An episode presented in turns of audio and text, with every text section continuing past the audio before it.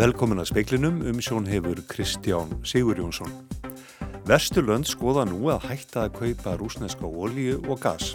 Forsætisráðara Breitland segir þörf á að gera það í skrefum með samstiltu átaki en Þískalands kanslari telur það ómögulegt.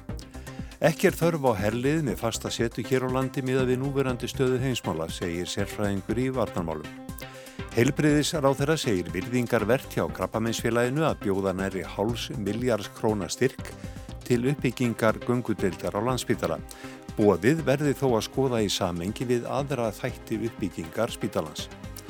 Tólsjúklingar likja nú á sjúkrahúsinu á Akureyri með COVID-19 og hafa aldrei verið fleiri.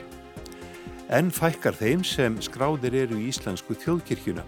Tæp 8% landsmanna kjósa að standa utan trú og lífskoðunarfélaga og fjöruvelunin voru afhengt í dag. Vestræn ríki kynna nú og skoða hertar aðgerir vegna innrásar rúsa í Ukrænu. Forsætis ráð þeirra Kanada greindi í dag frá nýjum viðskiptaþvingurum gegn tíu rúsnæskum auðmönnum og embættismönnum vegna stuðnings þeirra við innrásina.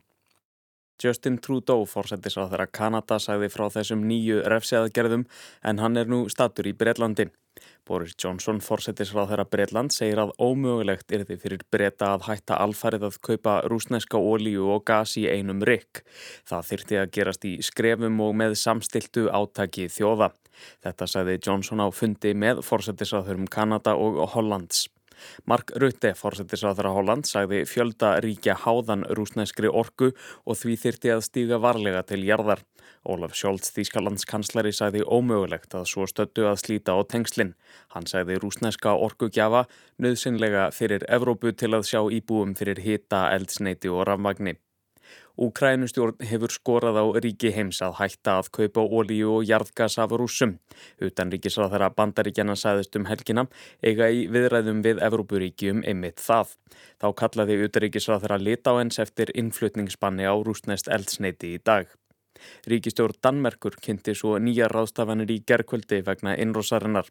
Danir ætla að hætta að kaupa rúsnest jarðgas eins fljótt og auðið er og stór auka útgjöld til varnarmála. Þá hefur verið búið til þjóðaratkvæðagreðslu um hvort Danir verði áfram utan sameigilegar varnarmálastefnu Evrópussambandsins að hluta. Þórgnýr Einar Albersson sagði frá. Félags- og vinnumálar á þeirra hefur skipað sérstakt aðgerarteimi sem ætla er að skipulegja móttöku flótafólks frá Úkrænu. Gilvi Þór Þorstinsson sem gengt hefur starfið forstuðumans farsóttarhúsa fer fyrir hópnum. Gilvi Þór segir enn óljóst hversu margir eigi eftir að leita hinga til hans. Við svo sem vitum það ekki, eh, við þurfum aftur á móti að vera undir það búin að, að geta tekið á móti þessu fólki og, og hérna og umvafiða það þarf mikla aðstóð bæði félagslega og, og samfélagslega, ekki síst við þurfum húsnæði, við þurfum uh, fæði og klæði eins og sagt er og það er uh, okkar verk núna frá með deginum í dag að setja þá vinnu á fullt. Saði Gilvi Þóri í samfélaginu á rás 1 í dag. Albert Jónsson, sérfræðingur í utaríkis og varnarmálum, segir ekki þörf á herlið með fasta viðveru hér á landi í núverandi stöðu heimsmála. Ísland sé aðilega allarsvansbandalæginu og Íslandingar eigi sameinlega hagsmunni með bandaríkjónum sem sæju hag í að verja það ef til þess kæmið átökin í Úkrænu yrðu kveikjanað heimstyrjöld. Það er engin hernaðleg óg sem stæðjar að Íslandi fyrr enn til stórvelda styrjaldar kæmi sem þá næði til Norðurhafa því að keflagaflugöldu myndi hafa stöðningshlutverk við soknar aðgerði gegn Úslandi í Norðurhöfum og, uh, og auðvitað er því keflagaflugöldu skotmar í því samhengi en, en, en eins og ég segi þetta, þetta er eina ógnin, það, þetta er það eina sem að, eina hernaðar hlutverki sem Ísland myndi hafa í slíkum átökum Og er þá ekki þörf á uh, herlið með fasta setu hér? Greinileg ekki að álíti bandarækjamanna sjálfra sem fóru nú fyrir mörgum árum og eru nú ekki á leiðinni tilbaka og það, það eru, eru þjóðar öryggishagsmunni bandarækjana, þeir tengjast mjög náið Íslandi ef það er stendur okn aðeins. Segir Albert Jónsson, nánað verður fjallaðum stríðsátökun í Úkrænu og áhrif þeirra síðar í speklinum. Hlutabrifaverð allra fyrirtækja í kaupöllinni nema eins lækkaði í dag. Mest lækkaði gengi í Æslandi er um tæp 9%. Hlutabrega verði í Brím var þið sama við lokun markaðar síðdeis og þegar opna var fyrir viðskipti í morgun. Verð hlutabrifa lækkaði mikið í morgun en tók nokkuð við sér þegar leið á daginn. Helbreyðisráðara segir að skoða verði bóð krabbameinsfélags um stuðning við uppbyggingu göngudildar í samhengi við aðra uppbyggingu landsbítala. Þingmaður samfylkingar furðar segja á að afstafa, afstafa hafi ekki verið tekin til bóðsins. Krabbameinsfélagi hefur bóðist til að greiða 450 miljónir af um 1500 miljóna krónar kostnaðu gerð göngudildar fyrir krabbameinssjúklinga gegn því að bröðust verið rætt við. Framkvæmdastjóri félagsins sagði í síðasta töluublaði læknablaðsins að stjórnvöld hefðu sett málið á ís. Vilum Þór Þórsson, heilbreyðsar á þeirra, var spurður út í málið á alþingi í dag. Ég held að þetta sé eh, mjög virðingarvert framtak krabbaminsfélagsins og ég held að með það rætti sem ég heyra á spítalunum að þetta að, tækifæri eigu að nýta en við þurfum að gera það í samengi við uppbyggingun og, og, og, heldina á öllum öðrum byggingum sagði Viljum Þór Þórsson og vísaði til byggingar nýs landsbítala. Þórun Sveinbjarnadóttir, þingma samfylkingarinnar, hvati til þess að bröðist væri við sem fyrst. En ég neyta að trúa því að umfang þess verkefni sé með þeim hætti og stjórnsíslan svo þung að ekki sé hægt að bregðast við uh, tilbúði krabbaminsfélagsins sem í rauninni byggir á hugmyndum landsbítalans sjálfs og forgangsröðun landsbytarnas sjálfs.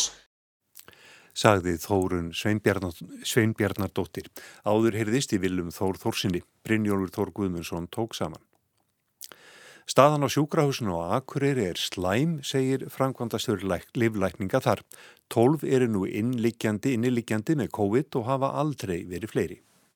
Hún er bara ekki nógu góð hjá okkur. Staðan er þannig að við erum núna með þess að 12 manns innilíkjandi. Tölvöld mikið starfsfólki í burtu. Það hefur verið svona kannski 8% starfsmanna og það hefur komið verst við deildin eins og líflækningadeild og gjörgjastlu, bráðamóttöku sem eru akkur þessar deildi sem er að sinna COVID komast.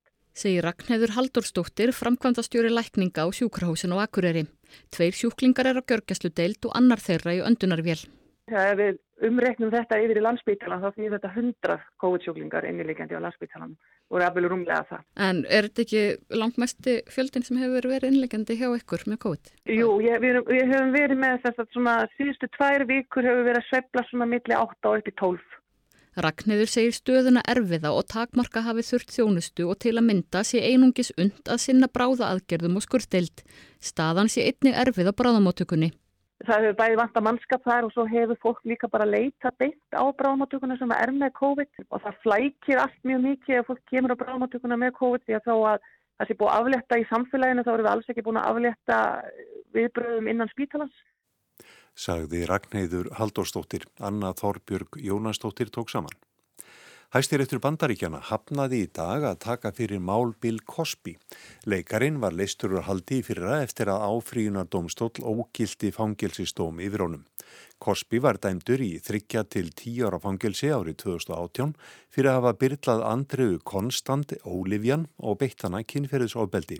Var það fyrsti fangilsistómurinn yfir fræðarmenni í tengslum við MeToo hreyfinguna en alls hafði rúmlega 60 konur sakað Cosby um kynferðisofbeldi.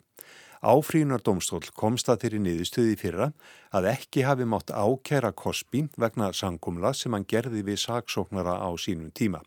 Hæstirittur hefur ekki gefið upp ástæðu fyrir sinniun sinni. Þótt langflestir Íslandingar síu skráðir í þjóðkirkjuna hefur þeim fækkað síðustu þrjá mánuði. Einni hefur fækkað í katholsku kirkjunni. Hins vegar hefur þeim sem skráðir eru í síðment fjölgað mest meðal lífskoðunar og trúfélaga frá 1. desember á síðast ári. Tæplega 229.000 manns voru skráðir í þjóðkirkjuna í byrjun þessa mánadar. Þeim hefur fækkað um 285 frá desember byrjun. Tæp 15.000 eru í katholsku kirkjunni og fækkaði þeim um 19. Þeim sem skráðir eru hjá siðment hefur hins vegar fjölgað um 125. Hlutfalsleg aukning var þó mest síðustu þrjá mánuði hjá hjálpræðishernum trúfélagi eða um 12%. 177 manns eru skráðir í félagið. Tæp 8% landsmanna eru utan trú og lífskoðunarfélaga. Ólaf Rún skóladóttir saði frá. Fjöruvelunin, bókmentavelun Kvenna, voru aðfend við hátilega aðtöfn í höfða í Reykjavík í dag. Fríða Ísberg hlaut velunin í flokki fagurbókmenta fyrir skáldsöguna Merking. Sigrún Helgadóttir fekk velun í flokki fræðibóka og rita almenns eðlis fyrir æfisögu Sigurðar Þórarinssonar, mynd af manni. Í flokki Flokki barna og lingabókmenta fengu Margret Tryggvadóttir og Linda Ólafsdóttir velun fyrir verkið Reykjavík barnana. Þetta er í 16. sinn sem fjöru velunin eru veitt en velunagripin gerði listakonan Kokka. Alþjóða handnallegsambandi sendi í dag frá sér yfirlýsingu vegna innrása rúsa í Ukrænu. Sambandið fordæmeir innrásina og lýsi stuðningi og samstöðu með öllum sem verða fyrir áhrifin vegna strísins. Þá hefur sambandið bannað öllum rúsneskum liðum og dómurum að taka þátt í viðburðum á vegum sambandsins. Stríði í Ukrænu hefur nú staðið yfir síðan 24. februar. Albert Jónsson, sérfræðingur í varnamálum og fyrirverandi sendera. Þú rættir við okkur á fyrsta degi innrásar. Hvernig mm -hmm. sínist þér staðan í Úkrænu núna að vera, tóltögum síðar? Já, sko, hernaðar áallinu rúsa virðist uh, litið yfir andið heild vera alveg óbreytt og uh, þeir stefna ótrúitt að því að framfylgja henni. Hvað var þar höfðborgina Kív sem auðvitað skiptir feikila miklu málið fyrir þá þá eru þeir að sækja að henni úr norðri, úr vestri og austri. Þeir hafa gert árásu sunnar megin þannig að það stefnir í þá átt sem hefur vænst sem er að, að þeir uh, hefji umsátur um, um borgina. En þetta hefur gengið fremur hægt og hægar en uh, almennt, uh, menn áttu almennt vona á. Hvað veldur því er ekki er umræðum en, en engin nýðustæða, þetta er einhvers konar byrða og aðflutningsvandi og hluta til Eh, árásir frá Úkrænir hér þó að þær virðist ekki umfangsmiklar ennþá. Hvað ætla rúsa sér? Þeir ætla sér að ná tökum, eh, hafa, algjörlega töklahaldir í Úkræn. Og, það, og væntingarnir þær að þeir, þeir gerir umsátur um, um höfuborgina, þeir eru búinir að gera umsátur, þeir eru búin að umkringja nokkra borgir og umsátur um höfuborgina og setja Selenski og stjórnina í þá stöðu að velja um annarkort uppgjöf eða það verði barist um borgina og hún lagði rúst með þeim afleðingum sem auðvilt er að ímynda sér og, og það að verið svona síni kjensla í þessu að segja má í Kharkiv og Mariupol. Hvað finnst þér líklegt að gerist? Að þeir berjist til síðasta manns eða gefist upp? Það er ómögulegt fyrir mig að spáum það. Meina, í grunninn hafa rús, hefur rúsneski herin eh, mikla yfirbörði í þessu, þessu stríði og í grunninn eru væntingarna þær að, að rúsneski herin muni ná sínu fram. Síðan auðvitað, eins og einu komið að áður í fleiri, fleiri viðtalum, hver er skilgjörningin á sigri í þessu máli og á eftir að koma í ljós. Rússar eru ennþá alveg hardir á, á þeim kröfum sem þeir setja fram og þeim skilðum sem þeir setja fram fyrir því að, að átökunum verði hægt og þau lúta öll að því að, að, að eh, stjórnarskrá Úkræni verði breytt, það verði viðkynnt sjálfstæði hér aðan í östurhlutanum og eins og ég segja að í, reynd eh, verði Rúsland með töklahaldir í Úkrænu sem að Rúsland lítur svo á að sé á, á þess áhrifasæði. Nú hafa úkræðunar menn staðið einir í hernaðar átökum á móti rúsum. Geta þeir vænst einhverja hjálpar í hernaði? Ekki beina, eh, nei, ég meina það er marg, marguð að segja það. Þeir fá ekki beina hernaðar aðstof og uh, síðan er verið að reyna að koma til þeirra vopnum, en frekar óljós og frettir af því hvernig það gengur. Þannig að óljós það er bara hægt á landi, þá í gegnum uh, vesturhutta Úkrænu, það er nú ekki margar hraðbrautir þar en, en uh, ætti að vera auðvelt fyrir, fyrir rústinska flugherinn að stöðva slikt en, en, en þetta er auðvitað ætlun, eh, ætlan Európa-ríkja og bandaríkjana að koma til þeirra vopnum og vistum en hvernig það gengur þá eftir að koma í ljós og eins og ég segir, frekar óljósa frettir af því hvernig, hvernig þetta gengur. Hvaða áhrif heldur þú að efnaðs aðgerðirnar, þessar refsi aðgerðir Vesturlandi hafi haft á Rúsland? Ég held í fyrsta lagi að hafi Putin fórseti og Rúslands stjórn eh, misreiknað einhvað sem skiptir verulega máli, þá er það vilji Vesturlanda til að grýpa til þeirra harkalegu aðgerða sem nú blasa við.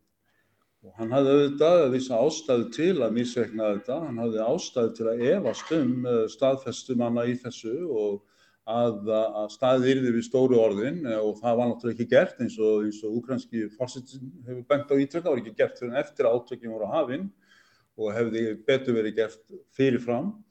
En ég held að, að þetta er eins og ég vorða þessar aðgerðir eru svo harkalega að þær eru aðför að eh, hagkerfi í Rúslands og samfélagi í Rúslands, almenningi í Rúslandi og uh, munu kosta, kosta rúsa feikilega mikið, það er alveg að reyna en við skulum líka muna að tveir stærstu bankarnir eru undanþeignir eh, hömlónum eh, á, á sviftkerfið vegna þess að Európaríkin er ennþá mjög háð rúsum um gas og það þarf að borga gasreikningana. Það eru mörg hundur þúsund manns á flókta og ég vil tala að verði fleiri miljónir á þetta fólk afturkvæmt til Úkrænum. Það er ómögulegt að segja fyrir að vita eftir því hvernig þetta þróast. Ef þetta fer eins og rús, rúsni stjórnmöld vonast þá verður þetta ekki langt stríð en það er nú margur fyrst feilað í slíkum útreikingum um, og, og, og ef það tekst að ná samkominlægi þá auðvitað hægt að sjá fyrir sér einhvers konar endur reysn en, en þetta er bara þetta er, bara, þetta er bara rétt að byrja það er allt og erfitt að átt að sjá því hvernig það getur þróast og hvaða, hvaða möguleika þetta fólk á að koma tilbaka og þá til hvers konar lands það kemur. Ef við snúum okkur aðeins að afstöðu Íslands í þessum átökum, nú er Ísland komið að lista yfir óvinnvættar þjóðir hjá rúsnæskum stjórnvöldum, hvað þýðir það í raun og veru? Já, mér sýnist nú að þetta, við erum með 40 og það eru 46 önnur eh, lönd þarna og þetta eru NATO-ríkin og Europasambandsríkin og síðan Japan og fleiri sem hafa slegist í hópin með varðandi refsi aðgerðirnar. Þannig að eh, við erum bara í þessum stóra hópi sem stendur að baki refsi aðgerðunum Það voru umræður um það hér um helgina hérna heima að Ísland þyrti að huga betur að vörnum sínum í að fyrir að hér frá NATO og eða bandaríkjónum hafi hér fasta setu. Hvað segir við eh, þessum umræðum? Já, ég var að hugsa þetta nú um helgina og ég setti nú inn á, inn á Facebook síðan mína eh, huglegingar um þetta. Sko, ég tel nú alveg víst að Íslandsko öryggismál sé ekki á neinu tím, standi ekki á neinu tíma mótum vegna Úkrænum stríðsins. Fyrsta lagi Ísland er, Ísland er ekki Moldova eða Ísland, Ísland er ekki nágrannaríki Rúslands, heldur langt í burtu og Rúslands her er voldugur og, og, og, og í, í Úkrænu eftir vil og í nágrenninu en, en hann er enga burði langt undir Allandshafi, frekar eins og sem fyrir meilandsveldi eins og Sovjetríkin og Þískaland nazismann sem hefði nú aldrei átt neina verulega möguleika á að herrtaka Ísland. Sko eina hernaðaróknin uh, gegn Íslandi, hún kem ekki til sögu fyrir ný stórvelda stríði og það er því þá vantanlega uh, loftarás eða stíflög árás á geflauguflugöld en, en bara til ítækka það, þá, þá erum við konið í þrýði heimstyröldina og besta áreitt að hún er nú ekki að mín áliti á leiðinni. Það er engin hernaðaleg óg sem stæðjar að Íslandi fyrr en til stórvelda styrjaldar kæmi sem þá næði til Norðurhafa því að Keflagaflugvöldu myndi hafa stöðningshlutverk við soknar aðgerði gegn Úslandi í Norðurhöfum. Og auðvitað er því Keflagaflugvöldu skotmar í, því samhengi. En, en, en segi þetta, þetta er eina ógnin, það, þetta er það eina eina hernaða hlutverki sem Ísland myndi hafa í slíkum átökum. Og er þá ekki þörf á uh, herlið með fasta setu hér? greinileg ekki að álíti bandarækjamanna sjálfa sem fóru nú fyrir mörgum árum og eru nú ekki á leiðinni tilbaka og, og, og sko menn með ekki gleyma því að, að, að sko öryggistrygging Íslendinga, ef menn skoða söguna frá 1941, að hún liggur í því að við eigum samiðinlega hagsmunni með bandaríkjum. Svo um leið og bandaríkinn telja að þeim eða vesturkveli sé ógnað á Allandshafi, annarkort frá stórveldi á meginlandi Evrópu eða eftir einhver ára tíu hugsanlega eh, stórveldi á norðurslóðum að þá koma bandaríkinn. Það, það eru, eru þjóðar öryggishagsmunni bandaríkinn, þeir tengjast mjög náðið Íslandi ef það er stendur ógn aðeins. Þetta er svona næstum því sjálfkrafa, sjálfkrafa öryggistrygging. En þannig erum við farin að tala um hluti sem það veist, sögurlegar og strategískar fórsendum sem er ekki eins og sjónmáli um þessa myndir. Það hefur verið krafa um það hjá einsum að sendi herra Rúslands verið vikið úr landi Hvað þýðir það í raun? Já, það, ég vil nú ekki tjá með um það, ég er mjög lagfræðingur sko, en það er náttúrulega auðvitað með stort skref og, og, og þá er að slíta í, í raun stjórnmálasambandi við Rúsland og uh, ég er ekki kunnit um að neitt sé að því, uh, það má vel vera slík skrið að fara í gang en ég, ég ánum eftir að sjá það. Takk fyrir þetta Albert Jónsson.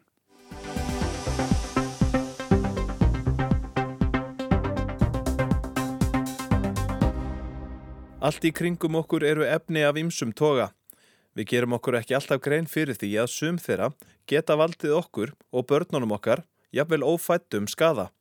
Hormonaraskandi efni í umhverju okkar voru til umfyllunar í kveik í senustu viku. Þar var meðal annars fjallaðum efni sem er að finna í leikföngum og fleiri hlutum sem við notum í okkar daglega lífi án þess að leiða hugan endilega að því hvort þeir innihaldi ykkur efni sem eru skadleg heilsu okkar. Samleðar áhrif efnasúpunar geta verið meiri en okkur grönar. Speillin rætti við Ísak Sigurjón Bragarsson, teimistjóra efnamála hjá umhverjastofnun. Við spurðum fyrst hvernig eftirliti með efnavöru væri háttað hér á landi og hver sægi um hvað. Fyrir reyna efnavöru þá heyri það undir okkur hjá teimi efnamála. Við erum í raun og veru með eh, markas eftirlit með efnavörum. Eh, þannig að það er aðalega hjá okkur. Það geta svo sem fleiri aðalega kannski komið til eh, aðeins eftir í hvaðum ræðir en leðut komin út í efni sem að, eða eitthvað sem væri hægt að hugsa um sem efni en til er kannski matvæli með öðru slíku þá kemur það aðra stofnir sem koma því. Svona reyn efnavara, það er hjá okkur. Uh, svo er náttúrulega fjöldin allur af hlutum sem innihalda efni sem eru í eftirlitsviði í mjög annara stofnana og til að mynda með leikföng þar sem við viljum gerna að sé vel passað upp á efna innihald en, en þá er uh, húsnæðis og mannverkjastofnun með eftirlit með því undir sérst öryggi leikfanga og það er rákanar efnakröfur og svo leiðis má ég svolítið sér lengi telja um svona sér faksunir. Það eru náttúrulega alls konar hluti sem innihalda efni en, en hérna en svona hreinrættuð efnaförðunar, það eru okkar mm -hmm. í eftirliti. Þetta fyrirkomulega, er þetta endilega besta lausnin eða væri betra að hafa þetta allt á einum stað? Um, ekki endilega sko. Það er náttúrulega virt samtal millir þessar stofnana og við vinnum saman eftir því sem að, sem að þarf að okkur finnst til þess að, til þess að þetta gagnist vel sko þetta mótast svolítið þetta hvernig lögjöfun er skrifið og, og hvernig þetta byggir allt meir og minna á euróskri lögjöf sem er innleitt hér á landi og hvernig því er bara deilt nöður og stopnarnir en ég hef svo sem ekki við hefum ekki fundið fyrir sérstökum hnökrum á, á eftirliti út af því hvernig það er deilt mellir stopnarna sko. Mm -hmm. En náið að fylgjast með öllum innflutningi eða fellur eitthvað á milli skips og bryggi? Það er auðvitað alltaf eitthvað sem, sem fellur út fyrir sko. Eh, eftirlitið er í aðli sínu það sem kvöldum úrtagseftirlit, við tökum bara einhverja porsjónir uh, og, og hérna, stikkpröfur á hlutunum, þannig að það er aldrei að skoða hvert hlut fyrir sig eða hverja vöru. Uh, það er auðvitað reynd að meta það þannig að, að skoða þá þar sem að likki meiri áhætt að einhverju sögum, annarkvært vegna þess að sé hættulegra eða vegna þess að einhver vöru típa uh, hafi reynst líklegin önnur til að innihalda eitthvað sem er bannað eða, eða svo framvegi sko. Og svo er náttúrulega unnið eftir ábendingum líka. Ef við fáum, fáum slíkar er þetta að senda ábendingar í gegnum vefstofnurinnar og að samaskapi þá getum við fengið upplýsingar frá öðrum löndum Európu eh, um hluti sem hafa fundist þar og, og það er útbúið þannig að við getum þá bröðist við strax hér ef sama vara finnst hér á markaði þá höfum við upplýsingar frá nágrannríkjum til að byggja. Nú orðið getur bara hver sem er verið innflytjandi á nánast hverju sem er það því að vestlunahættir okkar eru alltaf að breytast og við höfum aðgengi að vestlunum út um allt. Hvað þýðir þetta fyrir þetta eftirlit? Það náttúrulega gerir það erfiðara, gerir það klálega flóknara og það má segja að, svona mikill vöru innflutningur einstaklinga til eigin nota í gegnum erlenda vefverstanir. Það er auðvitað það sem er einna erfiðast að, að henda reyður á í svona. Það er alltaf teknar stikkprúur úr því líka og það eru ferlar fyrir hendi þar sem að uh, eh, tólkjæslumenn sem vinna í því geta haft samband við stopnununa til að uh, fá okkar umsóknum það hvort einhver var að sé í lægi eða ekki í lægi en út af umfangin á þessu og, og eðli veslunarinnar þá er það auðvitað erfiðar að fylgjast með heldur en eitthvað sem hefur byrja hér á landi og er hægt að fara til byrjans og skoða og svo fram í sko. En er mikið úrval af vörum sem eru með þessar vottanir eins og svansvottununa og, og fleiri eða er þetta spurningum peninga? Þær eru dýrari en þær sem eru ekki með þessar vottanir? Ég hef svo sem ekki gert eða séðin eina úttækt á því sko. Það er náttúrulega fjöldin allar að vörum með til með vottæni og það er mjög mikið til að vörum sem að eru í miklum kontakt við okkur. Það eru að hugsa um eins og snirtiförur og sérst, það sem er hreinlega hannað til að vera í snertingu við okkur eða berast á líkamanna hvernig sem það er. Í slíkum vörum, eðlumálsins sangvægt, er mikilvægt að passa upp á efna innihald því að það eru meiri líkur á innflæði á einhverju óeskilu ef það er fyrir hendi. Þarna eru miklu möguleikar og tilfullt af vottum vörum sko. Það er kannski minna þegar að kemur að, að sumum öðrum hlutum. Ég hef ekki sérstaklega þekkingu á því varandi það eru þetta til, eh, vottuleikfung og fleira en það er minna úrval. Ég hef trú á að þetta sé aukast alltaf með tímanum sko og þegar því sleppir þá má kannski líka segja bara að, að það er hægt að minga útsetningu sína með því að stilla bara neyslinn í hóf vera ekki með óhóflegt magna af einhverju sem þú veist ekki hvað er og, og upp að vissu marki eins og ég segi í tengslu við vefverslun og svona aðgengi regluverksins eða eftirlits aðilana að þessum hlutum að þá álítum við þetta sem vinnum undir eurósku regluverki sem er strángara en viðast hvar finnst annar staðar að við séum betur sett með að versta við euróska aðila sko. En er fólk almennt meðvitað um að það sé hugsanlega að finna skadalega efni í vörum sem það kaupir, hvort sem það er fyrir sig eða bönni sín? Ég hugsa ekki sko, ég hugsa þessi allt og lítið um það. Þetta er maður mjög gladur fyrir alla umfyllin um það, mitt til þess að vekja aðtikla á því og vekja fólk til umhugsunar um það sko. Ég sá tilvinnun í, í konu sem vinnur í þessum málum í Þýskalandi að tala um að það sé eftir að minka varandi til dæmis hormonaraskandæfni sem er að tala um að þetta minka útsetningu sína um kannski helming með bara hvernig, hvernig þú velur þína nesluvöru. Þannig að það vera meðvitaðar og svona gera þetta einfalda sem einstaklingunni getur gert, það skiptir verulega máli sko. En svo hvaða einfaldu hluti getur fólk gert? Eh, til að mynda það að kaupa umhverfismert þegar þú getur og það er alveg nokkur eh, umhverfismerki sem er þetta að velja á milli. Það sem maður sér kannski oftast hér á landi er svona smerkið og erubublómið eins og við hefum bent á. Eh, neita í hófi vegna þess að það er auðvitað líka faktor. Það er hægt að finna til að mynda en á, á vef umhverfistofnar upplýsingar um bara svona þumalputtareglur til dæmis þegar það kemur að, að leikfungum þar má segja til að mynda að við erum ekki hrifin af slími eða blöytuleikfungum, þau eru líklegri til að geta blætt einhverju ef það innihald eitthvað sem er ekki æskilegt. Eh, hluti sem er líkta, það er til dæmis eitt. Þú finnur efnalíkt af hlutnum, þá er það vegna þess að það er eitthvað efnaleg út úr honum, sko. Það er eitt sem er hægt að forðast og það ímsa svona þumalputtareglur á bakvið það og við ætlum raunar e, á næstu vikum á mánuðum að byrta meira efni sem að miðara því að aðstofa fólk við að, að taka réttar ákvarðinir svona á vefstofnunum og dreif á samfélagsmiðnum. Þetta var Ísak Sigurjón Bragason hjá umhverfistofnun, Bjarni Rúnarsson rætti við hann.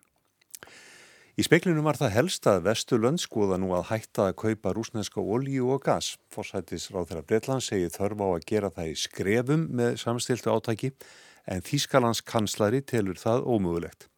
Ekkir þörf á herlið með fasta setu hér á landi miða við núverandi stöðu heimsmála, segir sérfræðingur í utaringis og vartanmálum.